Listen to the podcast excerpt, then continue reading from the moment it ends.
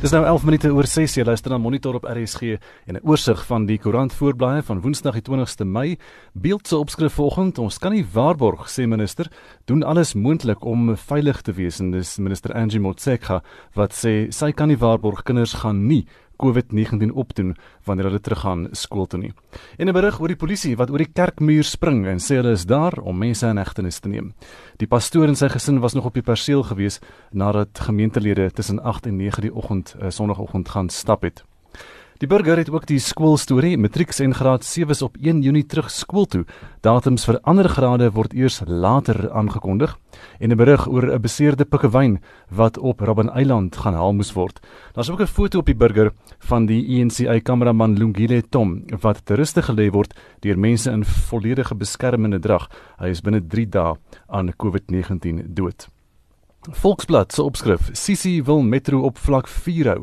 Dis die Vrystaatse premier, Sisi Ntombela, wat so sê, die res van die provinsie kan wel afskuif na vlak 3, maar die Bloemfontein omgewing gaan dit nie beskore wees nie. Business Day se opskrif: Etcon is die moeite werd om te red aldus die sakeredders. Die kleinhandelaar is gedwing om sy deure te sluit weens die COVID-19 krisis. En tot 2 miljoen werksgeleenthede kan daarmee heen wees in Gauteng se eie weergawe van die Groot Depressie sê die opskrif daar.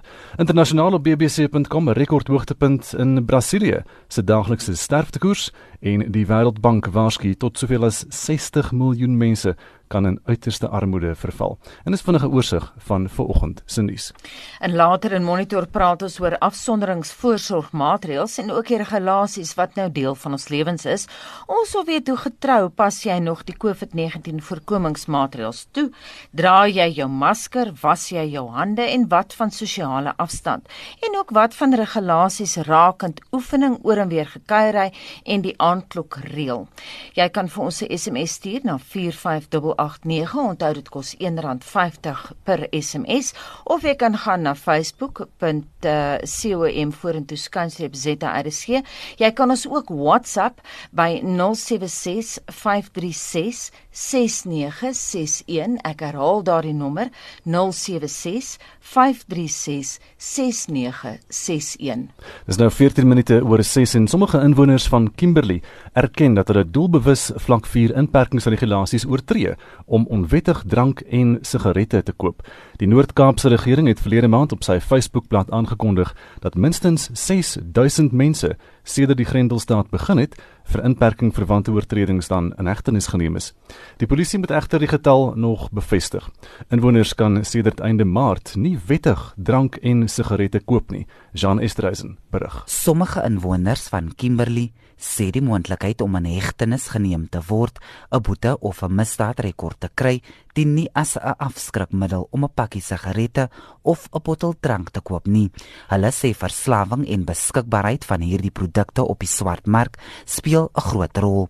I'm addicted to cigarettes. It's not something that's just going to go away just because there's a lockdown and I'm I know there are risks and I am scared but what can I do? The biggest factor is that there is alcohol available. So when there is alcohol available, you would buy it because that is the what we would usually do on a normal weekend. We would socialize using alcohol. Die Suid-Afrikaanse Nasionale Raad vir Drank en Dwelmafhanklikheid sê hoewel die verbod op die middels sekere individue se verslawing genees het, is dit nie die geval vir ander nie. Die raad se Temi Masani sê die onbeskikbaarheid van hierdie middels wat gewoonlik redelik toeganklik was, dwing mense om misdade te pleeg. What they often tell us most of our patients is that they need to feed their cravings. So what leads them to actually wanting more is because their body has become tolerant and dependent on this particular substances. What we've also seen through the black market, people will actually now begin to brew their own beers. And this also to the, the issue of substance use disorder in our country. Die raad sê hy bied virtuele ondersteuningsdienste aan persone wat onttrekkingssimptome van verslawingsmiddels toon. Die verslag deur Neo Budamela in Kimberley, Jean Estreisen, SAIGanis. Die Vereniging vir Kajuitbemanning, oftewel SAKA, sê meeste vakbonde by die Suid-Afrikaanse Lugdiens het tot 'n salarisbesnoeiing ingestem om die impak van die COVID-19 pandemie te verminder. Alle vlugte is as gevolg van die siekte opgeskort en vir hulle reaksie op die skuif praat ons met die adjunk hoofsekretaris vir regsdienste en navorsing by Solidariteit Werner Himan. Werner, goeiemôre. Goeiemôre Gustaf en goeiemôre Anita. Stem julle saam met hierdie salarisbesnoeiings? Ons doen ons stem saam. Hierdie besalarisbesnoeiing was 'n produk gewees vir gesprekke van so 6 weke al van die leierskapsforum wat bestaan uit vakbonde, die departement en die minister. En uiteindelik was hierdie salarisbesnoeiings bespreek en bereken op die basis dat daar sekere vliegtuiens terugbesorg sou gewees het wat beteken daar's nie onderhoudskoste en so meer nie. Maar Gustaf kan ons onthul intussen was hierdie poging heeltemal ongedaan gemaak. Dit het op die einde gaan dit geensins enige effek hê nie omrede daai vliegtuiens nie terug besorg is nie.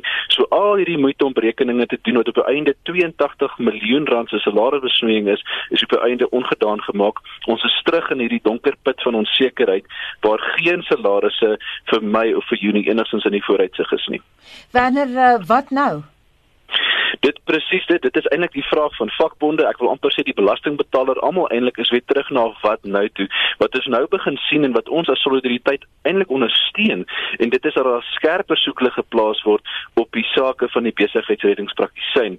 Die rede is dat dit omtrent so 200 miljoen rand se fooie al geskryf vir hulself sedert Desember en ons is amper 6 maande al in die pad af en ons het nog geen besigheidsreddingsplan nie. En elke liewe poging wat tot dusver gekom het van arbeid af om iewers 'n duidelike prentjie te skets is net nie besig om enigstens op te suig nie. Daar was 'n uh, memorandum gesluit gewees met die sakereddingspraktisyns om te kyk na 'n moontlikheid wat mense inset kan gee aan die kant van die forum om 'n realistiese plan ten minste daar te stel in die afwesigheid van die besigheidsreddingse plan en ewe skielik is dit ook op ys geplaas vir 'n noodsaaklike maatreel wat al ingestem op salarisbesnoeiings en ewe skielik gaan dit ook nie gebeur nie omdat die berekeninge op 'n foutiewe veronderstelling geneem is. Werner kry jy enige terugvoering van die sakereddingspraktisyns of voel julle ook oor hulle soos wat Pravin Gordhan oor hulle voel?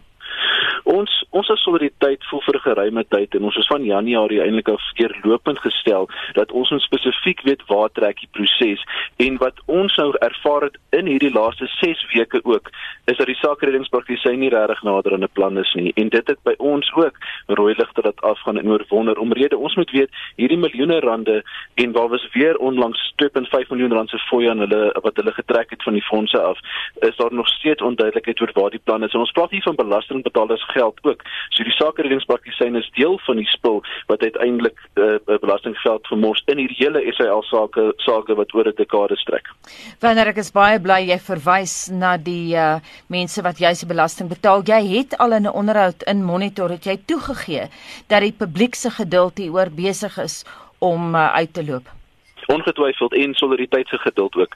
Ons poging laas jaar was juis geweest om te kyk of ons hierdie proses op 'n manier kan druk sodat ons juis belastingbetalers geld kan bespaar, maar dit lyk net of dit aanhou en aanhou en aanhou. Die geduld van solidariteit is op, die geduld van ons lede is op en ook die belastingbetaler in geheel. Hierdie is 'n saak wat heeltemal heeltemal te ver gestrek het en nog steeds lyk dit nie op die einde is nie. Die posisie tans is vir my en Junie is daar nie salarisse nie en verder het ons geen idee hoe dit verder gaan uitspeel nie. Werner, hoe voel jy daaroor Pravin Gordhan se se plan lyk dit om die weerligdienste skei in die in 'n ou maatskappy en 'n nuwe maatskappy amper soos hulle gemaak het met African Bank destyds? Dit is dit is al die gesprek op die oomblik. Hulle probeer kyk wat is van waarde in die ou SAL en daar's 'n paar punte van waarde. Mense kan kyk na die SAL brand, daar seker is landingsregte en so meer en om dit oor te skakel na 'n nuwe maatskappy. Maar ongeag al hierdie praatjies, is dit nog steeds so dat ons nog steeds 'n sakereddingsproses is. Die sakeredingspraktisyns moet nog steeds besluit of dit 'n redbare onderneming is of nie. Volgens die wet ons kan nie verby dit kom nie.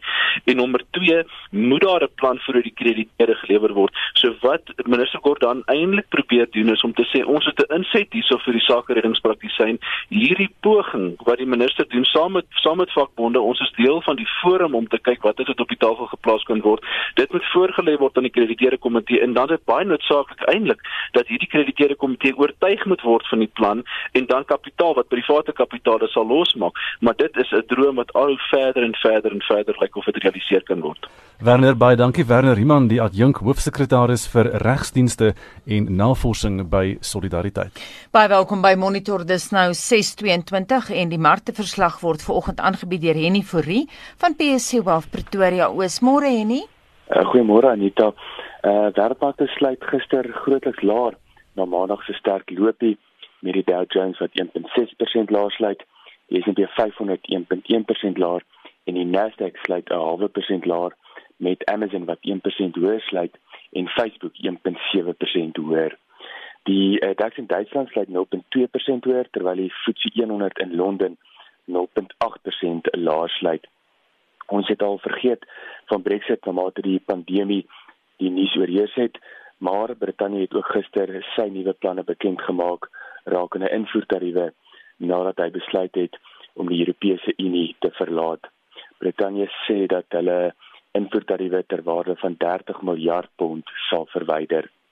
Dan op die eh, plaaslike front sluit die Johannesburgse effektebeurs 1.1% hoër op 51950 punte van die uh, goeie presteerders was MTN wat 10% hoër sluit. Die eienaarsmaatskappy Redefine sluit ook 10% hoër. Uh, Redefine is egter nog steeds 81% laer van sy hoogtepunte in 2015. Van die ander wenners was Netcare, Sappi, uh, Discovery, Old Mutual en Sanlam wat almal meer as 5% hoër sluit. Naspers sluit 0.9% hoër op R3138 van ons uh, randverskansingsmaatskappye het onder druk gekom op die rug van 'n sterker rand. Riesmith sluit 0.1% laer, British American Tobacco 2.1% laer en Anheuser-Busch sluit 4% laer. Maar in die ooste verhandel ook uh, gemeng vanoggend en Tokyo is die Nikkei 0.8% hoër. Die Hang Seng in Hong Kong is uh, eh, 0.2% laer met Tencent wat 1% hoër verhandel en die Australiese beurs is weer 0.2% hoër met BSP Groep wat 1.3% te laer verhandel. Dan op die valutamarkte verhandel 'n dollar tans teen R18.30, 'n pond R22.44 en jy gaan 1 euro vir R20.02 sent. En dan het laastens op die kommoditeitsmarkte verhandel die goudprys op 1749 dollar per fyn ons, die platinumprys 841 dollar per fyn ons en die kontantprys van Brent 3 olie tans 33.52 dollar per vat. Dis al van my kant af. Baie dankie. Dis 25 minute oor 6 jy luister na Monitor op RSG en twee nuwe dienste is in die Wes-Kaap bekend gestel om die departement van vervoer en openbare werke in staat te stel om COVID-19 beter te bekamp. Die provinsie se minister van vervoer, Bonginkosi Madikizela, sê die Red Dot diens voorsien en bied vervoer aan gesondheidsdienswerkers wat na ure tussen hulle werk en hulle huise moet reis. Vincent Mofokeng berig. Openbare vervoer is tans slegs van 5uur soggens tot 7uur saans beskikbaar. Maar Digizela sê soortgelyke diens sal mense ook vervoer na plekke van kwarantyne. The Red Dot is a service that will be provided to essential service workers, especially the nurses. Um, I've been inundated with calls from the nurses in particular and from a number of our hospitals in the city uh, where people are complaining that after seven they are unable to get the transport to take them home. We then, you know, communicated this with our partners in the taxi, minibus taxi industry, and I'm very happy with the response from Santaco in particular. They've come together and they formed a company called Umanyano, which means unity in English, and that company will be making available 400 taxis in total. Today we are starting with 100 So these taxis will now be transporting these essential service workers from and to work so that we don't have the problem that we had uh, before. Die diens word moontlik gemaak deur 'n vennootskap tussen die departement van vervoer en Umanyano Travel Services. Die maatskappy word besit deur lede van Santaku in die Wes-Kaap, sê streeksvoorsitter Nazim Abdurrahman. Nothing could have been done minister by your government. Your support from your from from your uh, from our colleagues, our chiefs, Thierry uh, Ribbenaar, uh, uh, and, and everybody else that helped us to get to this point. It was one week turnaround time that we got, and we made a success of this thing today. Maar Digizela het ook maatreëls bekend gemaak om passasiers se blootstelling aan die COVID-19 virus te beperk. We've been receiving a number of complaints and I'm very excited that those people who are making sure that they fight this battle head on. Our health services uh, uh, people um, will now be transported without any inconvenience. And I think this initiative will be expanded. I was talking to one of my colleagues from the department saying that uh, the demand is overwhelming. And I think uh, this is the start. And of course, uh, on the 1st of June, um, we will be again rolling out another service of people who will be going to quarantine and isolation. Dit was die Weskaapse ALR van vervoer en openbare werke, Bonginkosi Madikizela. Ek is Vincent Mofokeng vir SAI Garnis. Jy luister na Monitor elke weekoggend tussen 6 en 8.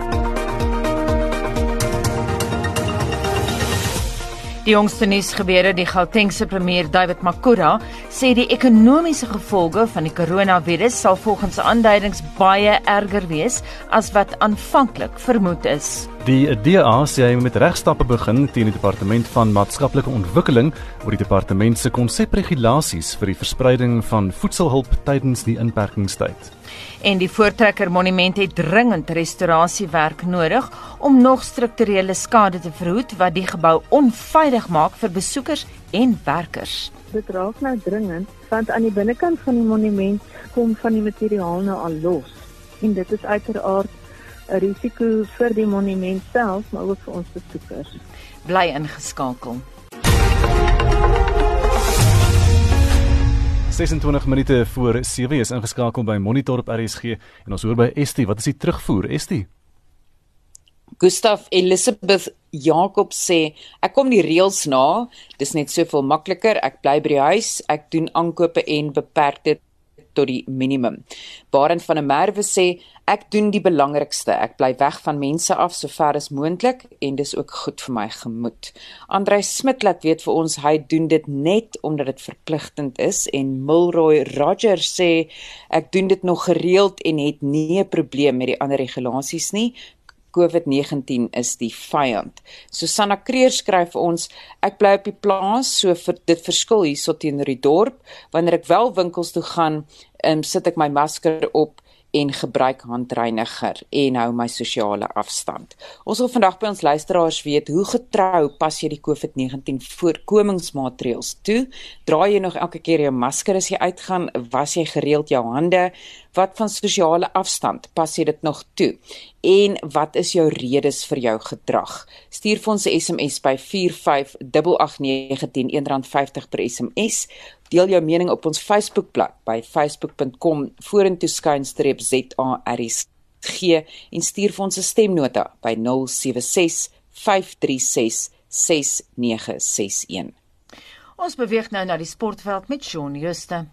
Ons begin met atletieknuus. Organiseerders van die Comrades Marathon het 'n virtuele wedloop vir die 14de Junie bekend gestel en alle Suid-Afrikaanse atlete wat vir die 2020 marathon ingeskryf het, kan gratis aan die aanlyn wedloop deelneem en ook 'n medalje ontvang indien hulle die marathon voltooi. Atlete kan op die Comrades webtuiste registreer om aan die wedloop deel te neem en vir die 5, 10, 21, 45 of 90 km inskryf. Meer inligting kan by www.comrades.com gekry word. Rugby. Die voormalige All Blacks het Ben Franks is as die Walliese Pro 14 span die Scarlets nuwe skrim afrigter aangewys. Die 36-jarige Franks hang sy rugby stewels aan die einde van die 2019-20 seisoen op en speel heidaglik vir die Engelse klub Northampton. Franks het twee Super Rugby titels met die Crusaders gewen en die Wêreldbeker ook twee keer met Nieu-Seeland in 2011 en 2015 gelig. Hy het 47 toetse vir die All Blacks gespeel. Die All Blacks se Scott Barrett het sy kontrak met die Nieu-Seelandse Rugby en die Crusaders tot aan die einde van 2023 verleng. Die 26-jarige slot het al 36 toetse agter die rug vir Nieu-Seeland en het 5-3 gedruk. Die Nieu-Seelandse Super Rugby spanne het oefening maandag hervat en berei voor vir 'n plaaslike kompetisie wat op 13 Junie afskop. En laastens in sokkernuus. Die Italiaanse Sokkerfederasie het aangekondig dat die Serie A tot minstens 14 Junie opgeskort is, maar is hoopvol dat die eerste minister voor dan die groen lig sal gee om voort te gaan. La Liga spanne is van maandag af weer toegelaat om oefengroepe van tot 10 spelers te hê en beoog om hulle seisoen teen 12 Junie te hervat. En die Engelse Premier Liga spanne mag oefengroepe van 5 spelers hê en is ook hoopvol om hulle seisoen teen 12 Junie te hervat. Die Franse Premier Liga is vroeg beëindig en die Bundesliga in Duitsland is die naweek agter geslote deure voortgesit. Shaun Schuster, SAK Sport. Dis nou 22 minute voor 7 en Australië beleef 'n ongehoorde ekonomiese inkrimping in die 60 jaar wat hulle rekord hou. Dis dan ook die eerste keer sedert die vroeë 90er jare dat die Australiërs 'n resessie beleef. Australië het selfs die 2008 resessie vrygespring wat groot dele van die wêreld ekonomies verlam het. Vir meer konteks hieroor praat ons nou met PSG se beleggingsekonoom Dawie Klopper. Goeiemôre Dawie. Môre Anita. Dawie, 'n geskiedkundige inkrimping, het jy dit verwag gegee die feit dat die Aussies 2008 so goed bestuur het? Ja, ek mens het verwag wel die impak wêreldwyd van hierdie in, inperking was natuurlik baie erg geweest en mense sou eintlik ehm um, weet die feite geïgnoreer het as jy dit nie verwag het nie, maar gegee by die feit dat hulle 2008 resessie vrygespring het, 'n amptelike resessie vrygespring het, sou mens verwag het dat hulle heelwat beter hier sou deurgekom het. So, hulle het ook 'n diep besig om 'n diep afswaai te beleef. Net om terug te kom na 2008 se groot resessie toe, daar het hulle een kwartaal van negatiewe groei gehad en, en daarna teruggespring. Hierdie rondom lyk dit vir my gaan daardie ekonomie maar soos die res van die wêreld se ekonomieë vir 'n lang tyd in in ook nog in 'n resessie toestande wees en die jaar dan natuurlik dan ook met negatiewe groei afsluit maar dan ook 'n verrassing sou wees gegeewe hoe sterk hulle ekonomie vir 'n lang tyd was.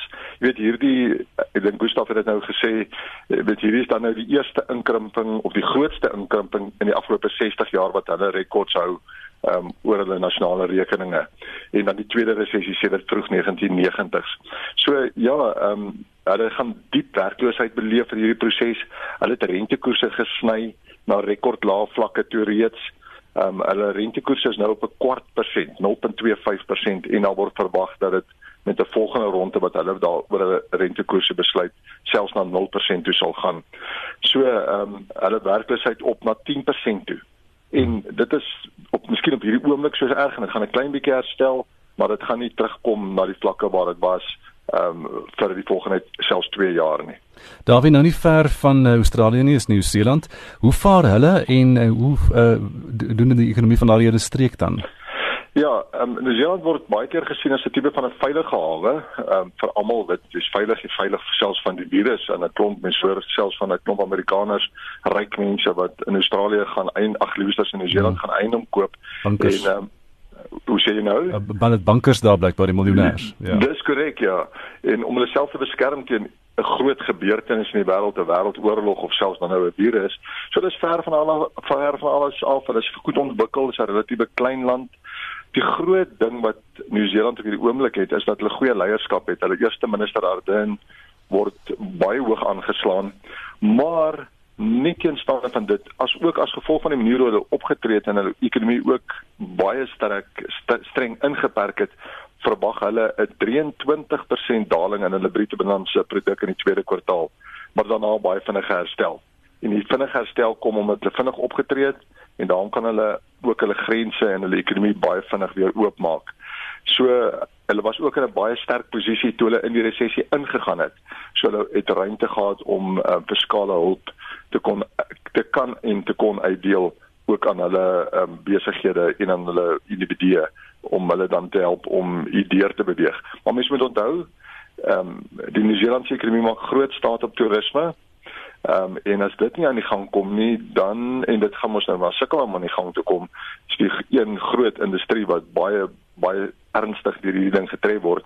Ehm um, moet mens verwag dat hulle ekonomie ook alhoewel hy baie diep nou gaan afswaai en weer 'n bietjie gaan en gaan herstel en dat hy ook nog vir 'n hele lang ruk nie baie sterk gaan groei nie. Ehm um, al kom hy weer terug uh, op 'n groeipad. Daar wie die wêreld se derde grootste ekonomie Japan, se ekonomie het met 3,4% ingesink en is nou in 'n tegniese resessie. Hoe veerkragtig is Japan?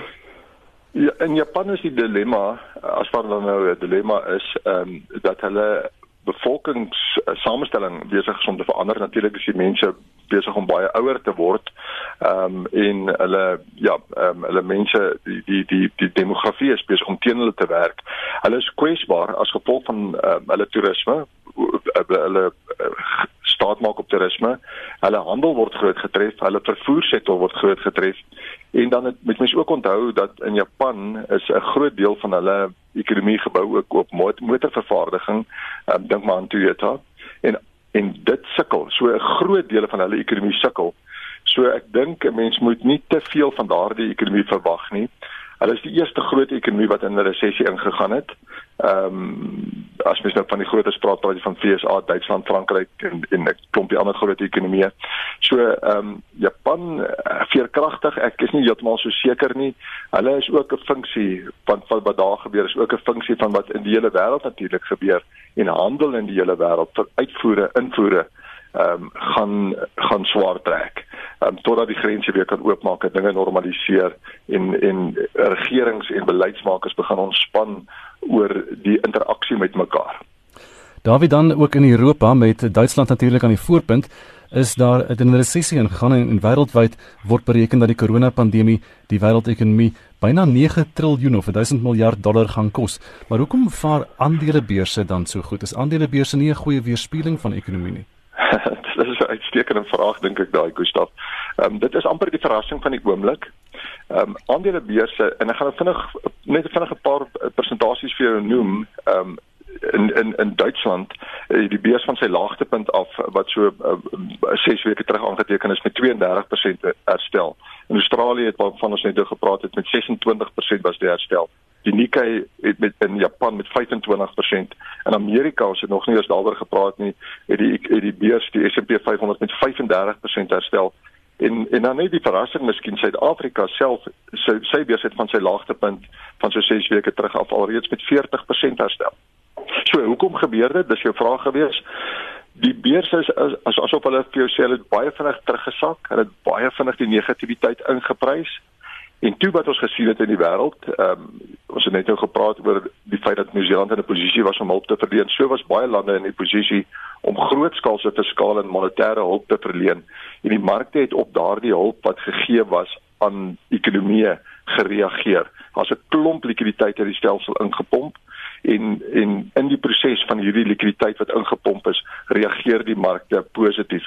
Daar's 'n gesegde wat sê don't fight the Fed die Federale Reserveraad van Amerika en hulle het voorgeloop met hierdie hulppakkette wat hulle uitgedeel het en het die markte positief daarop gereageer en soos wat die Amerikaanse beurs positief reageer, het die res van die wêreld dit gevolg.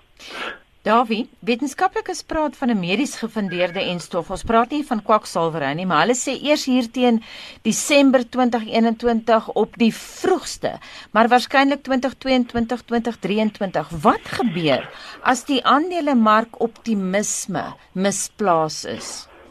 Ja, jy sien nou wat mense nou, jy moet begin kyk, die vraagstuk wat ou vra is, weet dit is hierdie likwiditeit versus die fundamentele oorwegings wat met 'n rol speel. Fundamenteel bedoel 'n mens dat maatskappyresultate gaan gepubliseer word in die volgende 2 jaar wat jy nou van praat en maatskappyresultate is ook maar 'n funksie van hoe goed dit met die ekonomie gaan. Want sonder 'n sterk ekonomie of sonder 'n ordentlike ekonomie kan daar nie goeie maatskappyresultate wees nie of nie sommer nie, veral in sekere sektore nie. Dan gaan die fundamentele oorwegings begin oorneem en mag ons dan dalk op 'n manier sien dat aandelebeurse by hierdie fundamentele oorwegings aanpas veral as dit al hoe moeiliker word vir regerings om nog verdere hulp uit te uit te uit te deel. Um, 'n Mens moet verwag dat hierdie optimisme dalk of in my opinie was die optimisme dalk 'n bietjie oordoen. Die markte wil graag vorentoe kyk, hulle wil graag deur hierdie geweldige afswaai kyk en aan die ander kant van dit beter tye sien maar as die maatskappyresultate nie op dieselfde vlak kom as wat dit was sien maar uit in 2019 nie en die waardasies is 'n bietjie aan die hoë kant soos wat dit tans is dan moet mens nie verbaas wees as daar weer 'n terugsakking ook in aandelebeurse kom nie. Nou Monitor het verskeie klagtes van mense ontvang wat by Emperor's Palace in die Kempton Park omgewing in kwarantyne tuis gegaan het wat sê dat hulle menseregte tydens hulle verblyf daar geskend is. 'n Toeroperateur Melanie Govender sê 'n groep van byna 100 moslems wat daar tuis gegaan het, se probleme is glo opgelos. Maar nog 'n toerist, Nikki Ras, wat besluit het om uit die FSA na Suid-Afrika terug te keer, sê sy het soos 'n misdadiger gevoel tydens haar verblyf in Emperor's Palace. I was on vacation in America. I was mm. actually in Las Vegas. Mm. And I decided to come back. My flight left Washington on the 3rd, mm. arrived the evening of the 4th. Mm. We landed. So technically, my first day of quarantine started at Emperor's Palace on the 5th. and I was only released on the 15th. So I was 11 days in quarantine. However, my results were available on the 10th. Dit het aanvanklik volgens Ross wat tot 15 Mei daar gebly het, goed gegaan. We were the Washington flight that were stranded for 6 hours at Aratambo in the cold on the tarmac. There's no food and water because of the accommodation that had somehow fallen through or not booked. So by the time we got to the hotel that evening, we were very relieved. Things were okay for the first day or two, and then we started seeing things going wrong. We were locked in our rooms. We couldn't get out of the rooms. So there was just all these announcements coming over the loudspeakers about the do's and the don'ts. Some of the messages felt quite threatening of what would happen to us if we didn't abide by the rules. Volgens haar het die bestuur die toegang tot die WhatsApp toepassing drakonies hanteer. There was days where they actually said they were having problems with WhatsApp that had shut down. They gave us a WhatsApp number to contact reception, and they were threatening us that if we messaged them too much or did or said anything they didn't like, they would block us on the WhatsApp group. There was one particular day where they actually cut the phone line so we couldn't contact the reception. They also cut the phone lines that our family and friends couldn't contact the hotel. There was also a time where the Wi-Fi was completely down, and some of the South Africans in there only had their American numbers, so they were relying on the Wi-Fi to be in contact. But then somehow it would conveniently come back on at seven o'clock in the morning when the hotel staff started their shift. Die kos wat bedien is, was voorbereide kos wat op vliegtye bedien word. Those highly processed, made days in advance, pre-packed meals that you receive on the plane that they heat up, that is what we were given to live on. Ross sê die bestuur van Emperor's Palace as 'n plek van kwarantyne moet deeglik ondersoek word. I feel that there is some form of corruption going on. We were kept there days after our results were actually available. We weren't allowed outside. They only let us outside for 15 minutes out of the 11 days that I was there to get some sunshine and stretch our legs, which again is against and breach of the quarantine guidelines. And when we were allowed outside for those two days, we were escorted around the property by police officers. I mean, this is unreal. Half of us couldn't eat the food because it was making us sick. I personally starved for 11 days. Uh, medication and chronic medication was withheld from us. We didn't get medication and medical treatment. So I do believe that an investigation needs to be done. Maar die toeroperateur Melanie Govender wat gaste wat in isolasie moet gaan, steeds in Emperor's Palace huisves, sê haar klagtes is hanteer. The most important one was that we have had majority Muslims as our traveling passengers. And the food that was here was not halal. We only had a vegetable option. We have now approved a halal certified caterer, which is the bulk of our problems. The other one was that the nurses and staff they were not going on time and checking people's temperatures and screening and all of that. That's also been resolved now. Mitsi van der Merwe, SAK nuus. En ons bly by die storie oor kwarantainestandaarde en praat nou met Melanie Nel wat self in Groblersdal in kwarantyne was. Goeiemôre Melanie. Môre julle, hoe gaan dit?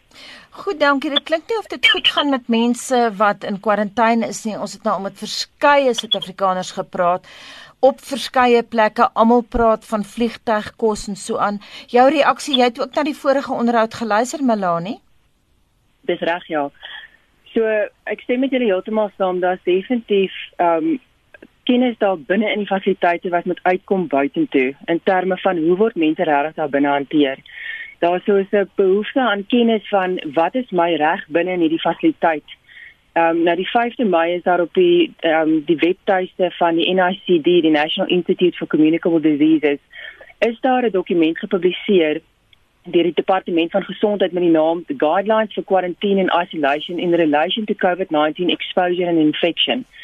En wat ons sien is dat bitter min van hierdie fasiliteite voldoen aan hierdie standaarde van die regering jy weet selfs hierdie fasiliteit wat nou onder bespreking is by die Empress Palace, ehm um, die manier wat mense se basiese regte geïgnoreer word, ehm um, die manier wat daar net nie kom en dit dit gaan nie net oor is my bedde goed skoon en is my kos goed genoeg nie. Dit gaan oor wat doen hulle daar binne in om die virus se kurwe af te plat en seker te maak een dat die virus nie versprei nie en dat die mense wat binne in die fasiliteit is, um, gesond gaan wees en nie in in in risiko omstandighede gehou gaan word nie. Melanie, yes. wat was jou persoonlike ervaring? Reg, so ons was in Zita Bisene gewees om dit baie kort te noem.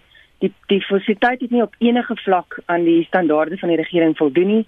Die kos was onan was oneetbaar, dit was rou hoender, um, met samp en bone vir 'n ete. Die kondisie self was haaglik geweest. Aap en bobbiane wat vektore het rondgehardloop gekrap in mediese afval en in 'n vullishoop op die perseel teruggespring in ons huise. Hulle die kiem kon so die, die virus oordra. Die die probleem is hierdie hierdie fasiliteite moet goedgekeur word een deur die publieke werke en infrastruktuur departement Nou ons het alself gehoor dat Patricia de Lille in vergadering sê en in persverklaringe hulle vermoed korrupsie um, en dat dit verder geondersoek moet word by party van hierdie fasiliteite. In terme van die um, Empress Palace het ek nou gehoor dat Zara Nicholson um, spokesperson vir die public work en infrastruktuur het gesê hulle is nie verantwoordelik vir wat binne in die fasiliteite aangaan nie. Dis wel die departement van gesondheid um, en ook die selfs die bestuur van die fasiliteit. Maar daar moet um afgetekende dokumente wees in terme van hierdie plek. Waar is die staan standard operating procedures? Hoe word die plek bestuur? Um die departement van gesondheid en standard Melanie, is jy daar? Melanie? Dit lyk my ons het uh, Melanie verloor vir luisteraars wat belangstel met wie ons gepraat het was Melanie Nel wat uh, gekla het oor plekke van kwarantyne in Suid-Afrika. Die Voortrekker Monument het dringend restaurasiewerk nodig om nog strukturele skade te verhoed wat die gebou onveilig maak vir besoekers en werknemers. Die Graad 1 Nasionale Erfenisterrein kry geen finansiële bystand van die regering af nie en het weens die inperking al sy inkomste verloor. 'n onlangse ondersoek deur 'n ingenieursfirma het gewys watter dreineer nie water dreineer nie behoorlik van die loopvlakke bo op die gebou af nie en dat die ernstige waterskade die gebou se struktuur benadeel. Lila Magnus het meer. Die imposante silhouet van die Voortrekker Monument domineer al amper 70 jaar die kimlyn van die hoofstad. Die statige dame bewaar egter sedert die vroeë 1950s 'n geheim. Alhoewel daar al verskeie pogings aangewend is om te keer dat die geheim 'n verleentheid word, is dit nou uit in die ope. Die besturende direkteur van die Monument en Erfenis Stichting, Cecilia Creer. Die monument het die van die vroeë 50er jare af al gedokumenteerde probleme met water. So ons het hierdie jare verskeie bedrae geld en so aan moet spandeer daarin. En toe dit nou weer gebeur oor die laaste uh 4, 5 jaar, het ons besef maar dit gaan nie net help om goed weer bo-oor te plak nie, jy weet. Elke keer kom daar 'n maatskappy met 'n produk en dan is hulle produk die beste en hulle sit nog 'n laag van iets op en as ons weer sien dan lyk die monument maar weer. Die swak waterdreinering by die boonste looplyste op die uitkykvlak reg rondom die bokant van die nasionale bate benadeel die integriteit van die gebou. Dit raak nou dringend want aan die binnekant van die monument kom van die materiaal nou al los. En dit is uiteraard 'n risiko vir die monument self, maar ook vir ons besoekers. Aan die bokant van die monument is daar die uitkykvlak, so reg rondom die monument is daar hierdie gange wat mense nou kan loop en reg rondom uitkyk. En dit is daar waar die water gepenetreer het en as jy dan in die binnekant van die monument staan en jy kyk op, is dit dan nou die vier windrigtings, die koepels bo en dit is die klankdigtingsmateriaal. Dit is so snaaks so sagterige materiaal wat hulle aangespuit het destyds wat afval. Die ondersoek het gewys dat die monument se loopvlakke aanvanklik gebou is met 'n betonvloer en bo-op dit is hol rooi kleibaksstene gesit en bo-op dit die leiklip deels. Deur die jare is lood, plastiek en graniet onsuksesvol gebruik om die waterdreinering te keer. Die probleem blyk egter by die rooi kleibaksstene te lê. So by uiteinde in plek van 2 of 3 lae het ons agtergekom dat daar 5 of 6 lae gesit is bo op mekaar om te probeer om die water uit te hou wat dan nou nie gebeur het nie. So wat nou gebeur het, die water is toe nou vasgevang binne in hierdie oorspronklike hol kleibaksstene en dan nou van daar af bly dit net uitloop, jy weet. So dit loop nie noodwendig na buite toe uit nie, dit loop dan na binne toe uit en dan sit ons nou met die probleme aan die binnekant. Kreer sê daar word reeds gewerk aan 'n 3-fase plan om die probleem finaal hok te slaan. So hierdie aanspreek van hierdie vier vlakke sal dan nou die eerste stap wees En dan is daar nou 'n bietjie groter aksies soos om geuke wat tans binne in die mure van die monument is heeltemal te blok bo en onder en nuwe geete aan te sit aan die buitekant en dan nog heel later om 'n tipe van 'n dakkonstruksie bo oor die koepel te sit wat ons uiteraard nie gaan sien nie maar wat ook daardie water gaan wegvoer. Sy sê die inperking is 'n tweesnydende swaard.